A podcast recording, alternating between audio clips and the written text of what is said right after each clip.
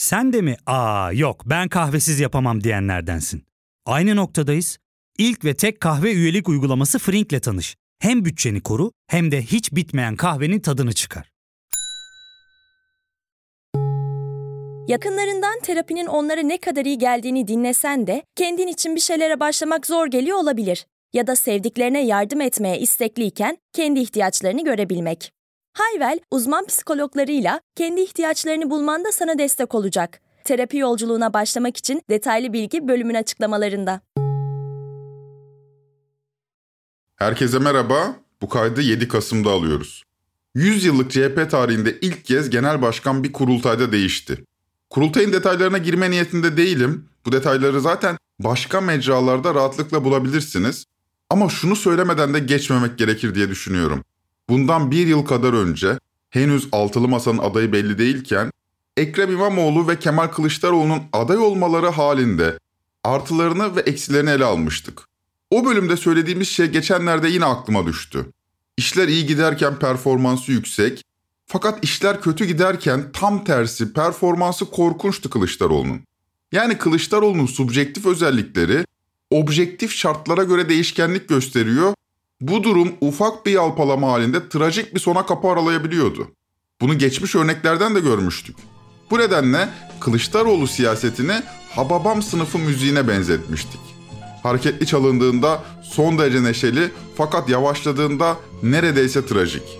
Haliyle kriz yönetiminde büyük bir başarısızlık. Kurultay sürecindeki olayları teker teker yorumlamama lüzum yok bence. Öyle sanıyorum ki bir biçimde siz de izlediniz olanları. Ayan beyan, apaçık bir başarısızlık. Neredeyse basiret bağlanması diyebileceğimiz bir fiyasko.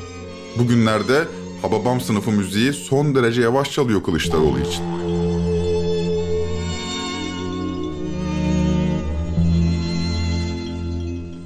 Kılıçdaroğlu bundan sonra tarih yargılayacak ve hükmünü verecek.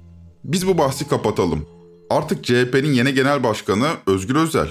Nasıl bir performansı olur emin olun bilmiyorum. Biraz izlemek lazım bence. Ama planı olana saygım var. Özgür Özel'in de daha doğrusu Ekrem İmamoğlu'nun da bir planı var. Henüz 29 Mayıs'ta seçimden bir gün sonra değişim sözcüğünü ilk zikreden isimdi İmamoğlu. Dolayısıyla bu süreçte üzerine belki de en uzun konuşulması gereken isim İmamoğlu oldu. Siyaseti takip eden hemen herkesin gördüğü bir planı vardı İmamoğlu'nun.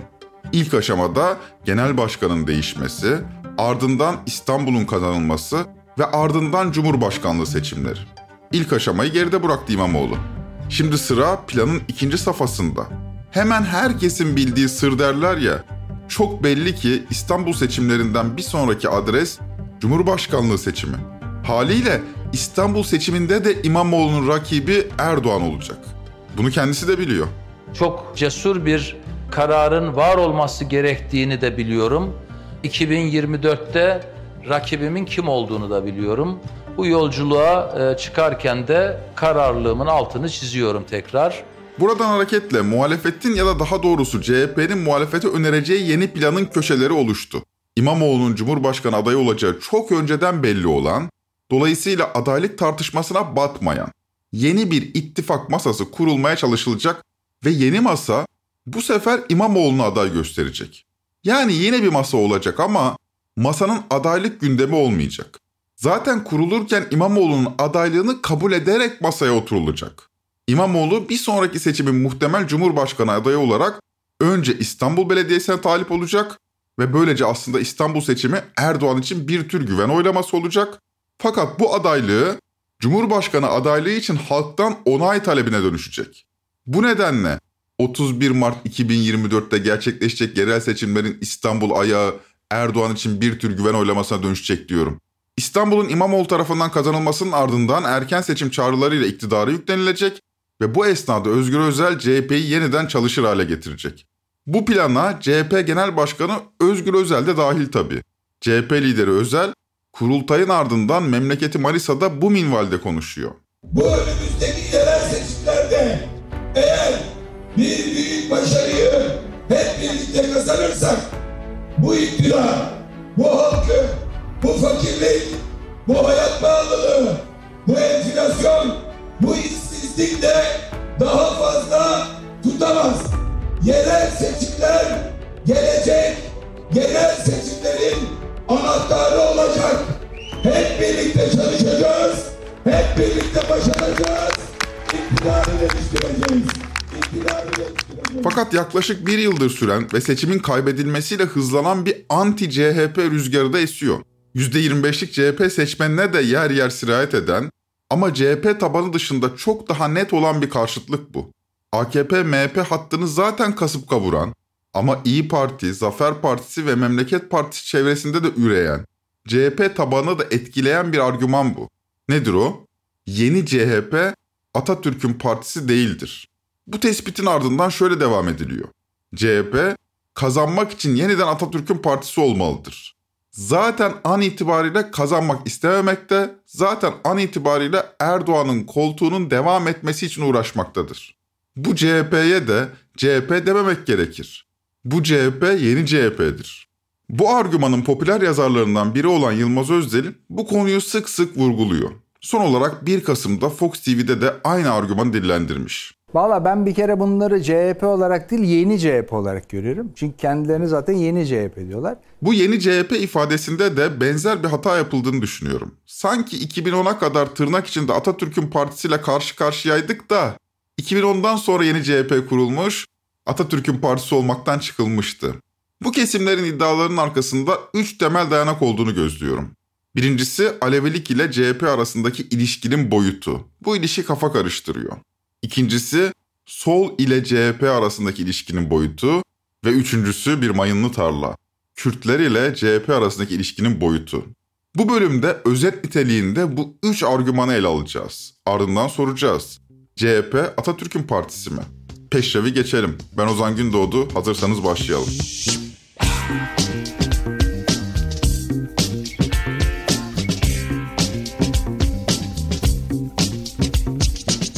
Kemal Kılıçdaroğlu'nun Aleviliği seçim sürecinde kendi ağzından Alevi olduğunu söyleyene dek muhalif kamuoyu için üzerine konuşulması ayıp sayılan bir konuydu.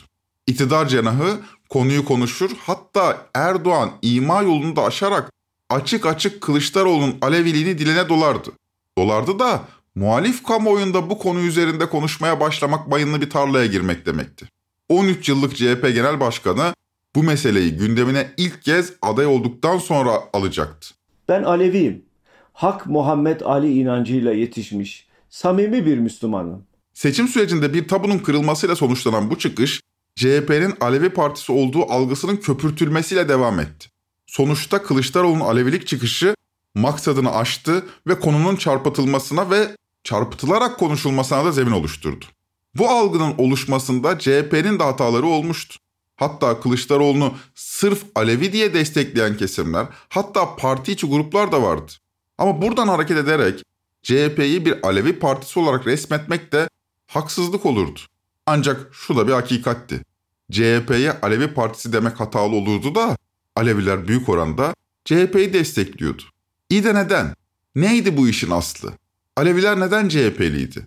Bu soruyu cevaplamak için CHP dışındaki bir partinin siyasal hayatımıza girdiğinde Alevilerin ne yaptığını anlayarak başlamak yerinde olur. Tek parti döneminde zaten herkes CHP'li. Hadi ilk soruya cevap arayalım. Aleviler neden CHP'li? Hep mi CHP'lilerdi? Demokrat Parti kurulduğunda Aleviler CHP'de mi kaldılar? Bu soruya evet diyenler yanılıyor. Aleviler 1950'li yıllarda Türkiye'nin %75'i gibi büyük oranda köylerde yaşayan, tarımla uğraşan insanlardan oluşuyordu. Demokrat Parti'nin oy tabanı ise büyük ölçüde köylerdeydi. Aleviler de diğer köylüler gibi 1950 ve 1954 seçimlerinde çok büyük oranda Demokrat Parti'yi desteklediler. Fakat Alevilerin Demokrat Parti'den ilk kopuşu 1957 seçimlerinde oldu. 54-57 arasında Demokrat Parti'den koparak Cumhuriyetçi Millet Partisi ve Hürriyet Partisi kurulmuş. Bu iki parti Demokrat Parti'den 10 puandan fazla oy koparmıştı. Ekonomide sallantıdaydı. Bu gelişmeye paralel olarak Demokrat Parti muhafazakar kimliğine yaptığı vurguyu arttırmıştı. Ve sonuç, Alevilerin yoğunlukla yaşadığı kentlerde Demokrat Parti trajik oy kayıpları yaşadı. Birkaç örnek vereyim. Mesela Çorum. 54 seçimlerinde Demokrat Parti'nin oyu %57.6. 3 yıl sonraki 57 seçimlerinde Demokrat Parti'nin oyu %45.3'e düşüyor. 12 puanlık bir düşüş. Başka bir örnek Elazığ. Demokrat Parti'nin oy oranı iki seçim arasında 57.4'ten 41.4'e düşüyor. Sivas aynı şekilde. Demokrat Parti'nin oyu %52.2'den %39.3'e düşüyor. Keza Maraş. Demokratlar 1954'te 54.6 oy almışlar, 1957'de 44.8. Fakat Demokrat Parti'den kopuş CHP'ye yöneliş anlamına gelmiyor. Çünkü oranlarına baktığınız zaman daha ziyade Cumhuriyetçi Millet Partisi ve Hürriyet Partisi'ne oy kaydığını görüyorsunuz. Yani Aleviler 57 seçimlerinde evet Demokrat Parti'yi bir nebze terk ediyorlar ama CHP'li de olmuyorlar. Fakat Alevilerin CHP'ye temasını güçlendiren asıl olay 1960'tan sonraki yıllarda yaşanıyor. 27 Mayıs'ın ardından Diyanet İşleri'nin yapısı yeniden tartışılıyor. 1963'te İsmet İnönü Başbakanlığındaki koalisyon hükümeti Diyanet İşleri Başkanlığı'nın görev ve yetkilerini yeniden düzenleyen bir yasa teklifine meclise sunuyor. Fakat bu teklifin maddelerinden biri de Diyanet İşleri bünyesinde bir mezhepler dairesi kurmak. Hükümetin bu önerisine Adalet Partisi çok sert karşı çıkıyor. Adalet Partisi'ni destekleyen Zafer ve Adalet gazeteleri de yasa teklifi karşısında çok sert konumlanıyorlar. O dönemin gazetelerinde konuya ilişkin yazılanların bir kısmı şöyle. Hazırlanan tasarı sayesinde Aleviler mum söndü törenlerini camilere taşıyacaklar. İlmen ve tarihen hiçbir gerçeğe dayanmayıp tamamen efsane ve mügalataya dayalı olan Alevilik, İslamiyet'in ifade ettiği vahdet ruhu için ciddi bir tehlikedir. Bu zümrenin ehli sünnet mezhebiyle eşit tutulması 27 milyon Müslümanla alay etmekten başka bir şey değildir. Bu ifadeleri bugün duyunca irkiliyoruz. Nasıl olur diyoruz ama normal sayalım bunları. Nüfusun büyük kısmı köylerde yaşıyor. Halk kesimleri bu nedenle birbiriyle etkileşim halinde değil. Demokrasi kökleşmemiş. Okuma yazmayı öğreneli henüz 20 yıl kadar olmuş. Toplum kesimleri de birbirini tanımıyor. Birbirleri hakkında bildikleri tevatürlerden, safsatalardan ibaret. Bu safsataların bitmesi için köyden kente göç ve kentleşme gerekecek. Düşünün, o yıllar itibariyle henüz İstanbul kebap nedir bilmiyor. Çiğ köfte egzotik bir yemek, kebap ise kalitesiz. 1987'de yayınlanan Muhsin Bey filminde Şener Şen ile Uğur Yücel arasında yaşanan bu diyalog zamanın ruhunu anlamak için ipucu niteliğinde. Aa, ne bu? Çiğ köfte. Öyle değil, çok acı, zehir gibi. Yok ya acıyı şöyle bir gezdirmeyeceğim. Ne bu be? Öldürecek misin beni? Zaten güzelim İstanbul'u kebapçı salonu haline getirdiniz. Acılı Adana, acılı Urfa, acılı lahmacun. İstanbul kebap kokuyor. Ne bu be?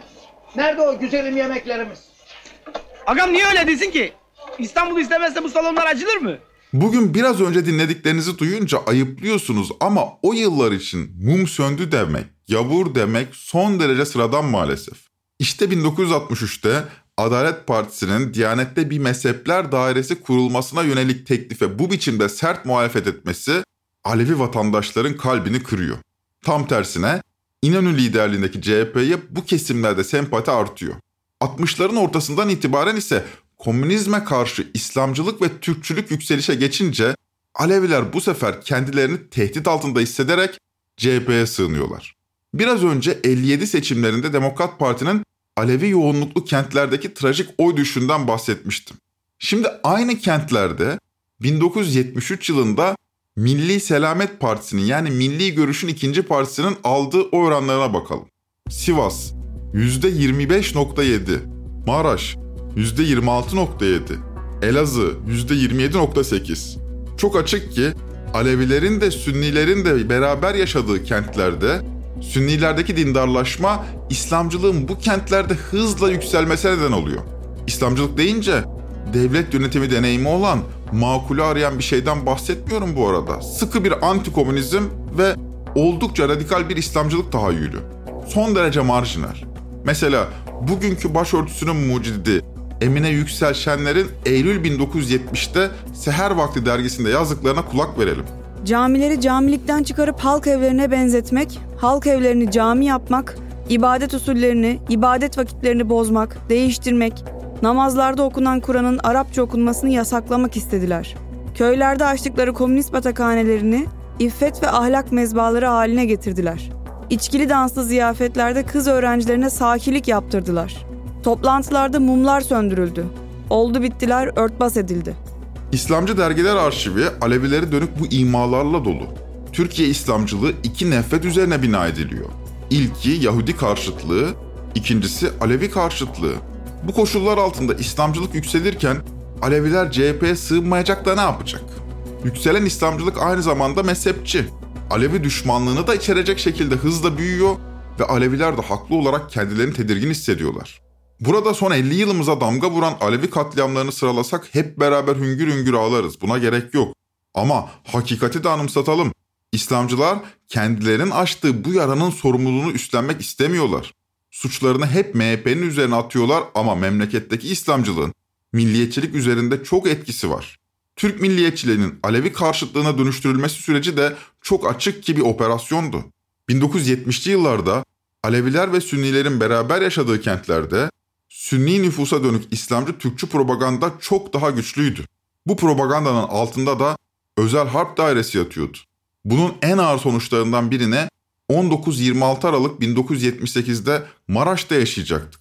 Yürükselim Mahallesi'nin Çamlık Caddesi'nde oturuyorum. Saat 3 sıralarında bir kalabalık kurup evimize saldırdılar. Biz de kapıları kilitleyerek içeride oturduk. Dışarıdan dışarı çıkmalarımızı söylediler fakat dışarı çıkmadık. Pencereden gelen bir kurşunla babam yaralandı. Kapıdan gelen kurşunla ben bacaklarımdan yaralandım. Bir kardeşim somyanın altında saklanmıştı 7 yaşında. O da yaralandı bir kurşundan. Bu durumda babam dışarı çıkmak zorunda kaldı. Babam dışarı çıkacaktı. Ben bırakmadım çıkmayın dedim. Fakat babam dışarı çıktı. Arkasından annem çıktı. 14 yaşında bir kardeşim çıktı. Bir de misafirimiz vardı. 18-19 yaşında öğrenciydi. Dışarı çıktı. Dışarıdakiler bunları öldürmek sevaptır. Bunları öldürdüğümüzde cennete gideceğiz. Saldırın bozkurtlar, öldürün, bunlar Müslüman değil diye söyleniyorlardı. Arkasından otomatik silah sesleri geldi. Bir müddet geçti aradan yardımcı askeri kuvvetler gelmiş olacak ki dışarı gittiğimizde saldırganların kaçtığını, hepsinin dışarı gidenlerin hepsinin öldüğünü gördük. Babam kanlar içinde kalmıştı. Çok yaralıydı. Buraya getirdik fakat yarım saat geçti öldü. Vahşet bu. Dünya çapında bir olay. Artık yani bunun hesabını kimden soracaksınız? Bu ne biçim olay? Hiç insanlık yok mu? Bu nedir başımıza gelen? Biz insan değil miyiz? Türk sağı MHP ve MSP'nin kışkırtması, Adalet Partisi'nin bu kışkırtmayı kapsamak istemesi nedeniyle hızla Alevi karşıtlığına savruluyordu. Komünizmle mücadele konsepti de buna cevaz veriyordu. Çünkü Aleviler biraz önce anlattığım gerekçelerle zaten politikleşmiş ve 1960'ların başında CHP'li olmuşlardı. Nedenlerini anlattık. Alevilerin CHP yanaşmasından daha normal bir şey yoktur. Öyledir de. Fakat bir dakika. Aleviler 60'ların başında CHP'leşti dedik. 70'lerin ikinci yarısında Alevilere dönük nefret kampanyası komünizmle mücadele konseptine de uygundu dedik. Ne alaka? CHP solcu parti miydi de Aleviler CHP'li diye aynı zamanda solcu oluyorlardı. Atatürk'ün partisi solcuysa Atatürk de mi solcuydu? İşte burada işler karışmaya başlıyor. CHP karşıtlığı nedeniyle Türk sağında üreyen çatlaktan anti-Kemalizm sızıyor. Atatürk'ün CHP'si solcu olduğunu söylüyordu. O halde Atatürk de mi solcuydu? Başta İslamcılar olmak üzere anti-Kemalist akımlar hem komünizmle mücadele ediyor hem de Atatürk'e solcu diyorlardı. Öte yandan o yılların solcuları kendilerini Kemalist olarak tanımlamadılar ama Kemalizmin sol mu sağ mı olduğunu tartıştılar. Mesela THKPC kurucularından Mahir Çayan şöyle diyor. Kemalizm, küçük burjuvazinin en sol, en radikal kesiminin milliyetçilik tabanında anti-emperyalist bir tavır alışıdır. Bu yüzden Kemalizm soldur, milli kurtuluşçuluktur. Kemalizm, devrimci milliyetçilerin emperyalizme karşı aldıkları radikal politik tutumdur. Kimileri bu soruya entelektüel cevaplar aradılar. Çünkü Atatürk'ün yaşadığı dünya sol ve sağ olarak ayrılmamıştı. Sovyetler Birliği ile ABD olarak çift kutuplu bir dünyayı görmeye ömrü yetmedi Atatürk'ün. Yaşasa partisini solda veya sağda tanımlamak zorunda kalacaktı belki de. O yüzden bugünden geçmişe dönüp Atatürk ne sağcıydı ne solcuydu demek doğru olmaz. Ne sağdan ne soldan Mustafa Kemal'in yolundan ifadesi dümdüz popülizm o yüzden. Peki ya ne olmuştu da CHP sol ile anılmaya başlamıştı? CHP için tılsımlı bir ifade olacak ortanın solu kavramı 1965 seçimlerinden hemen önce atılmıştı. CHP'nin 6. Genel Başkanı duayan gazeteci Altan Öğmen'den dinleyelim. Cumhuriyet Halk Partisi'nin ortanın solu formülü içinde sola yönelmesi 1965 seçimlerinden önce, seçimlere yakın bir zamanda İsmet Paşa'nın bu sözü telaffuz etmesiyle başladı. İsmet Paşa ortanın solu diyor. Bizde Galata meşhurdur. Bu formülün ilk kez Ecevit tarafından kullanıldığı zannedilir ama daha eski. 1965'e kadar uzanıyor. Peki ne olmuştu da İsmet Paşa CHP'yi ortanın solunda konumlandırmıştı? Bunu da Türk tarih profesörü Sina Akşin'den dinleyelim. 27 Mayıs'tan sonra böyle bir sola bir açılma oldu. İşte Türkiye İşçi Partisi kuruldu. 62'de galiba kurulmuştu. Ve 65 seçimlerinde Türkiye İşçi Partisi sanki böyle çok önemli bir destek alacakmış gibi görünüyordu. İşte orada İnönü tekrar panikledi. Yani şey Sovyetler karşısında paniklemişti. Bu sefer şeyin karşısında panikledi. Türkiye İşçi Partisi eyvah bunlar oyları bizim oyları alacaklar. Bizim o, ve o zamana kadar hiç ağzına getirmediği bir laf söyledi biliyorsunuz. Cumhuriyet Halk Partisi ortanın solundadır dedi. Sina Hoca'yı ben mülkeden tanıyorum. Çok sıkı bir Kemalist arkadaşlar. Ama İsmet Paşa'yı pek sevmiyor, çok eleştiriyor onu. Ama bizim memleketin en önemli yakın tarih profesörü Sina Hoca. Şimdi İsmet Paşa'nın CHP'yi ortanın solunda tanımlamasının nedenini kavradık. Soldan bir rüzgar esiyor. O rüzgarın bağımsız esmesini istemiyor paşa. CHP'nin o rüzgarı kapsamasını hesaplıyor. Fakat bu ortanın solu işi nasıl formülize ediliyor? İşte bu soruya kısa bir aradan sonra cevap verelim.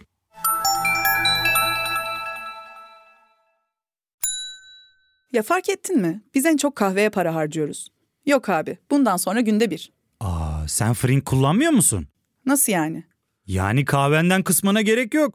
Frink'e üye olursan aylık sadece 1200 TL'ye istediğin çeşit kahveyi istediğin kadar içebilirsin. Günlük 40 TL'ye sınırsız kahve mi yani? Çok iyiymiş. Aynen. Hatta şu anda 200 TL'lik bir indirim kodu da var. E hadi hemen indirip üye ol da bu fırsatı kaçırma. Terapiye başlamak, içinden çıkamadığın döngüleri kırmak, bazı yanlış bulduğun kararlarını değiştirmek ve kendinle beraber daha huzurlu bir yaşam inşa etmek için atabileceğin en değerli adımlardan biri. Hayvel ile yoğun yaşam tempona uyum sağlayarak online terapi seanslarını takvimine göre ayarlayabilirsin. Bini aşkın uzmandan sana en uygun terapisti seçebilir, podb10 koduyla indirimden yararlanabilirsin. Detaylı bilgi açıklamalardaki bağlantıda. Aradan önce ortanın solu ifadesi nasıl formüle edilecek diye sormuştuk. İşte burada Cumhuriyet kuşağı devreye giriyor. Yani Cumhuriyet'in hemen ardından doğmuş, bu Cumhuriyete gözünü açmış ilk kuşak. 20'lerde doğan, batıda eğitim görmüş, yurtsever duygularla memleketlerine dönen isimler. Dolayısıyla ortanın solu dendikten sonra bu ifadenin altını doldurmaya talip çok sayıda genç kadro var CHP'de. Artı Forum dergisi gibi o dönemin nitelikli fikir dergileri var. İsmet Paşa ortanın solu deyince bu insanlar tabii çok heyecanlanıyorlar. Onların başında da Bülent Ecevit geliyor. Orada İsmet İnönü ilk defa biz ortanın solunda bir parti sayılırız sözünü söyledi. Tabii ben hemen bu söze dört elle sarıldım. Başka bazı parti meclis üyelerimiz de sarıldılar. Bazıları tepki gösterdiler. Fakat bazıları da dört elle sarıldılar. Ve ben tabii bu konuyu işlemeye başladım. CHP 9 Eylül 1923'te kuruluyor ama kendisini ilk kez 1965'te solda tanımlıyor. Çünkü öncesinde dünyada da böyle bir ayrım yok. Fakat 1960'lar dünyası çok hareketli. Vietnam Savaşı, Küba füze krizi, darbeler, savaşlar, toplumsal hareketler, hippiler. Bugünden bakınca sağ sol çatışması ektiler içimize demek basit bir yorum olur. Bütün dünya bu işten etkileniyor. Biz Türkiye'ye dönelim. CHP sağcı ya da solcu bir parti değildi ama işine öyle geldiği için mi sola dümen kırmıştı? Bu ağır olur. Sola zaten meyilli kadroların Adalet Partisi'ne değil de CHP'de filizlenmesi zaten Kemalizmin de solda konumlandığının delili olarak gösteriliyor. Haksız sayılmaz. İyi de solda konumlanıyor diye bölücülerle işbirliği yapmak zorunda mı yani CHP? Burada başka bir tartışma devreye giriyor.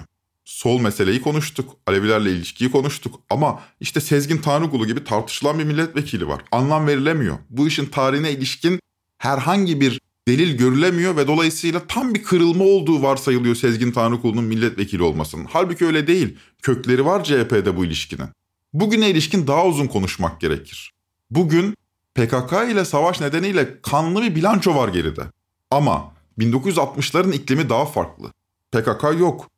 Böyle bir kanlı bilanço da yok. Üniversitelerde 61 anayasasının verdiği özgürlükçü iklimden istifade ediyor. Yok falan bile yok. Bizim gençlerin bir kısmı bu Kürt meselesini gündemine taşıyor. Kente göç akımları sürüyor. Bu durum kentteki inşaat talebini patlatıyor. Göç edenler geriden gelenlerin evlerini yapa yapa %90'ı köyde yaşayan memleketin %90'ı kentte yaşar hale geliyor. Bu inanılmaz bir etkileşim. Bu göçte Kürtler de batıya doğru işçi olmaya geliyor. Ve tabii üniversitelere. 68 üniversite hareketinin önemli bir parçası da Kürt gençleri oluyor. Bu durum Vizontele Tuğba'da bence fena işlenmemişti. Arkadaşlar, Mahmut arkadaş. Ne oldu Nafiz? Bir gelişme bir şey mi var? Yazımızı değiştirmişler. Kim? Sosyal faşistler. Cahit gibi. Ben. Koşurlar. Bugün Kürt meselesine doğru düzgün tartışabileceğimiz bir iklim yok. İklimi bulsak oturur tartışır bir orta yol buluruz ama. Bu iklimde Kürt diyene PKK'lı deniyor. Fikri bir tartışma hemen kriminal bir boyut kazanıyor. Fakat 68 gençliği içinde Devrimci Doğu Kültür Ocakları adıyla kurulan geniş çaplı ve yaygın, ağırlıkla Kürt öğrencilerin üyesi olduğu örgütler vardı. Musa Anter, İsmail Beşikçi gibi isimler bu DDKO'dan yetiştiler. Bu kişiler PKK'dan çok önce, ta 60'lardan itibaren Kürt meselesini işleyen yazarlardı. Belki şöyle söylenebilir. 68 kuşağıyla birlikte Kürtler solculaşmasaydı belki PKK diye bir şey de olmayacaktı. Doğrudur. Ama bu hakikati değiştirmez. Alevilerde olduğu gibi Kürtler de sola sığınmıştı. Fakat Berlin duvarının çöktüğü, 1. Körfez Savaşı'nın yaşandığı dönemde Türkiye'de hem sol 70'lerdeki hareketini tümüyle kaybetmişti hem de PKK artık kendisine Marksist-Leninist sol bir parti olarak tanımlamaktan vazgeçecekti. Böylece bu yıllardan itibaren zihnimiz soldan ayrı bir Kürt siyaseti tasavvur etmeye başladı. İşte tam bu geçiş sürecinde Erdal İnönü liderliğindeki SHP kritik bir adım attı.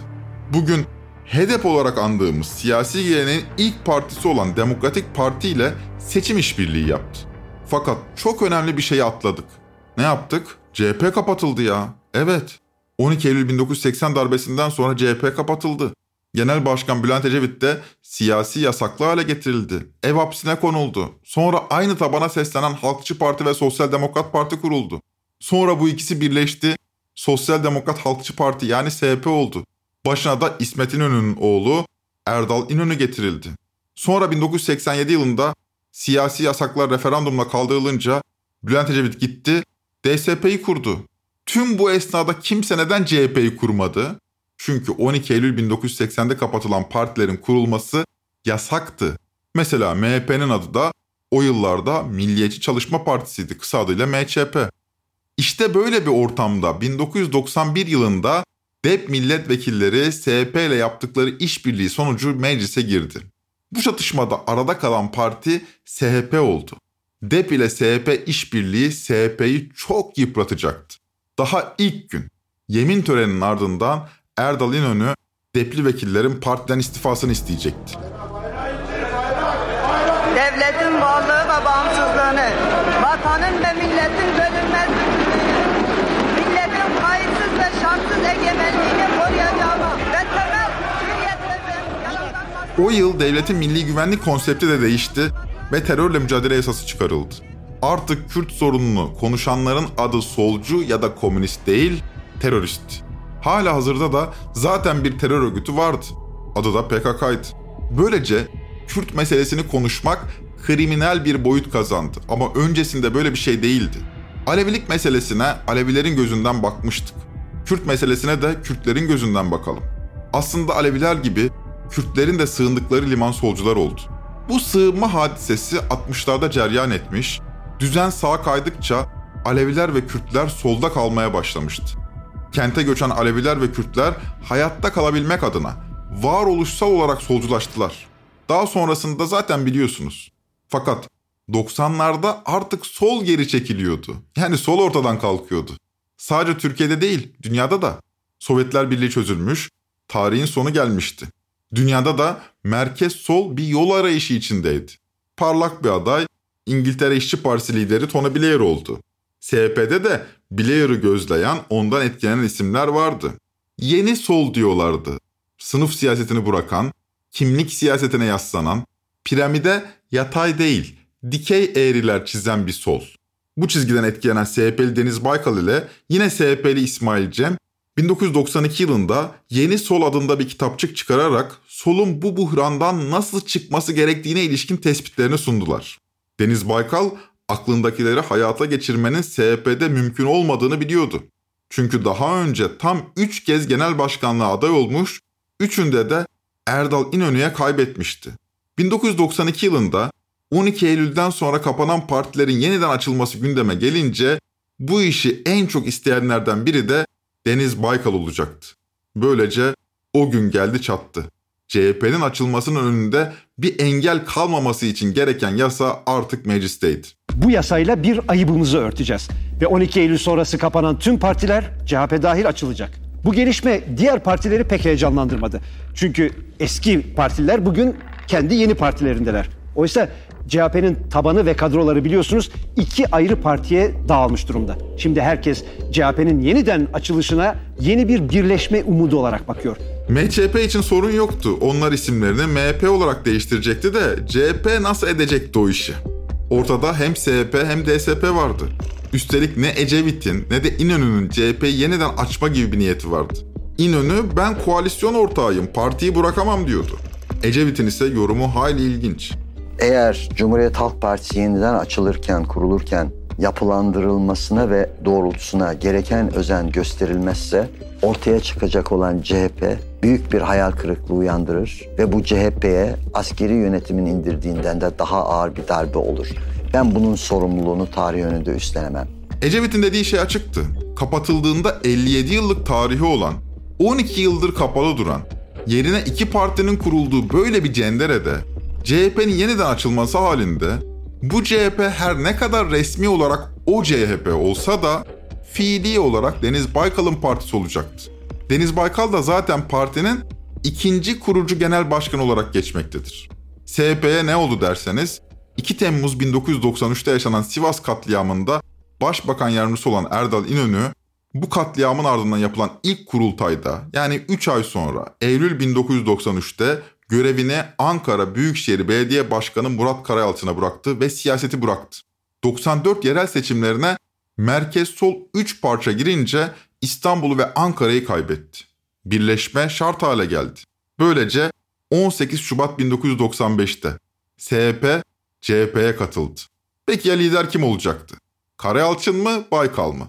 95 kurultayının kazananı Baykal oldu. Bugün hepimiz bir aradayız. Hiçbirimiz kendimizi eski SHP'li, eski CHP'li diye hissetmiyoruz. Yarından itibaren hissetmeyeceğiz değil Sayın Karayalçın. 18 Şubat'tan beri öyle hissetmiyoruz. 18 Şubat'tan beri hepimiz Cumhuriyet Halk Partiliyiz. Baykal yeni solda çok iddialıydı. Tarihle arası pek iyi olmayanlar yeni CHP adına kızıyor da CHP'de gelenektir bu arkadaşlar. Başarısızlık halinde yeni parti kurmayacağınıza göre partiyi yenilemek durumundasınız. Baykal da aynısını yaptı. Baykal'ın CHP'si de yeni CHP'ydi. 95 kurultayını kazanan Baykal bir sonraki 98 kurultayına damga vuracaktı. Sloganı Yeni Sol ve Yeni CHP oldu. Umut geliyor Umut. Deniz geliyor Deniz. Hüsran yaşayanlarsa Cumhuriyet Halk Partililerdi. SHP ile birleşmiş, dünyada yeni sol, Türkiye'de yeni CHP diyerek oy aramışlardı. Seçimden bir yıl önce hala akıllarda olan o kongre yapılmış, Deniz Baykal, Ricky Martin'in şarkısıyla partilileri selamlamıştı. Sevgili Deniz Baykal'ımız hoş geldin yarının Başbakanı Baykal. Deniz Baykal geliyor. Fakat böyle bir sol neoliberalizme teslim olmuş, sınıfı unutmuş, sadece devletin milli güvenlik doktrinine hapsolmuş, böylece varoşları da kaybetmişti. 99 yılında Atatürk'ün partisi olduğu iddia edilen CHP baraj altında kalmıştı. Eski disk başkanı Rıdvan Budak'ın tespiti yerinde. E, sol varoşları büyük ölçüde kaybetti. Yani Kağıthane'de Fazilet Partisi iki veya üç dönemdir üst üste belediye başkanlığı yarışında birinci çıkıyorsa solun varoşları kaybettiği bir gerçek. Sol sosyeteye karıştı biraz. CHP sol bir partiydi de sol neydi? Herkesin anladığı farklı bir boş gösterene dönüşmüştü sol. Dolayısıyla solcuyum demenin de bir anlamı kalmamıştı. CHP'nin 38. kurultayında da bu konu tartışıldı. Değişimci olup da değişmeyen arkadaşlarım ve bazı gazetecilerin de çok sık dillendirdikleri bir şey var. Efendim CHP sağa kaydı. Özgür Özel artık bu partinin Altan Öymen ve Hikmet Çetin'i saymazsak 6. genel başkanı oldu. Önündeki en büyük sınavı Erdoğan düzeninin yarattığı Türkiye'de benim yarım saatte anlatmaya çalıştığım tüm bu curcunayı anlaşılır biçimde Türkiye'ye anlatmak, yeni bir hikaye yazmak olacak. Başaracak mı göreceğiz. Bu kaydı dinlediniz ben CHP'li değilim. Ama kayda hazırlanırken fark ettim ki subjektif olarak ben yani Ozan Gündoğdu ben CHP'li değilim de objektif olarak CHP'li sayılırım. Bu kaydı dinleyen sizler CHP'li olmayabilirsiniz. Hatta başka partili olabilirsiniz. Bilmiyorum belki Memleket Partisi, belki İyi Parti, belki Zafer Partilisiniz. Ama yine de muhtemelen tıpkı benim gibi objektif manada CHP'lisiniz. CHP durumu hepinizi doğrudan ilgilendiren bir parti konumunda. Görmezden gelmeye başlayınca silkinip ben buradayım diyor. Gazeteciliğin aktivistçe yapılmasına inanmıyorum ama an itibariyle içinde yaşadığımız nizam bizi de cumhuriyeti de çürütüyor maalesef. Bu nizamın değişmesinin elzem olduğunu düşünüyorum. Neden mi? Tüm bu anlattıklarımızdan sonra üzerine bir daha düşünmemiz gereken bir haberi Fatih Altaylı'dan dinleyelim. Evet bir ailenin 3 ferdi 11 yaşında bir kız çocuğuna tecavüz edip yakalanmışlardı. Bunlar yargılandılar, 42 yıla mahkum oldular. Fakat daha sonra kız çocuğunun ailesi bu tecavüzcülerin aşireti tarafından tehdit edildi. Oradaki siyasi partiler de, siyasi parti derken iktidar partisinden bahsediyoruz. Bir anlamda ablukaya alındı çünkü bunlar iktidar partisine yakın kişiler oldukları söyleniyor. Ve sonunda bu 42 yıllık mahkumiyet bir yeniden yargılama sonucunda beraatle sonuçlandı. Bu benim Türk yargı tarihine gördüğüm en ahlaksız demeyeyim ama en ahlaksızca kararlardan biridir. Uzun uzun düşünülür dedim ya. Düşünme işinde sizi tek başınıza bırakalım çünkü çok uzattık. Yargı meselesini konuşmaya bırakmayacağız. Çünkü bu mesele konuşulur konuşulmaz akla gelen ilk ifade çürüme. Bu çürümenin durması için de güçlü bir muhalefete ihtiyacımız var. Özgür Özel yapabilir mi? Bilmiyorum ama inşallah yapar. Yani herkesin bir cevabı var yapabilir mi yapamaz mı değişim nasıl olacak vesaire sorusuna ama yine de bir süre fırsat verilmesi gerektiği taraftarıyım. Kendisine başarılar dilerim samimiyetle. 38. kurultayda iyi iş çıkardı CHP. Türkiye'de an itibariyle başka hiçbir partinin başaramayacağı bir işi başardı ve kendi genel başkanlarını seçimle değiştirdiler. Umarım bu değişim CHP için ve Türkiye için hayırlı olur. Trend Topi'yi Podbi Medya ile beraber hazırlıyoruz. Bir sonraki bölüme kadar her şey gönlünüzce olsun. Hoşçakalın.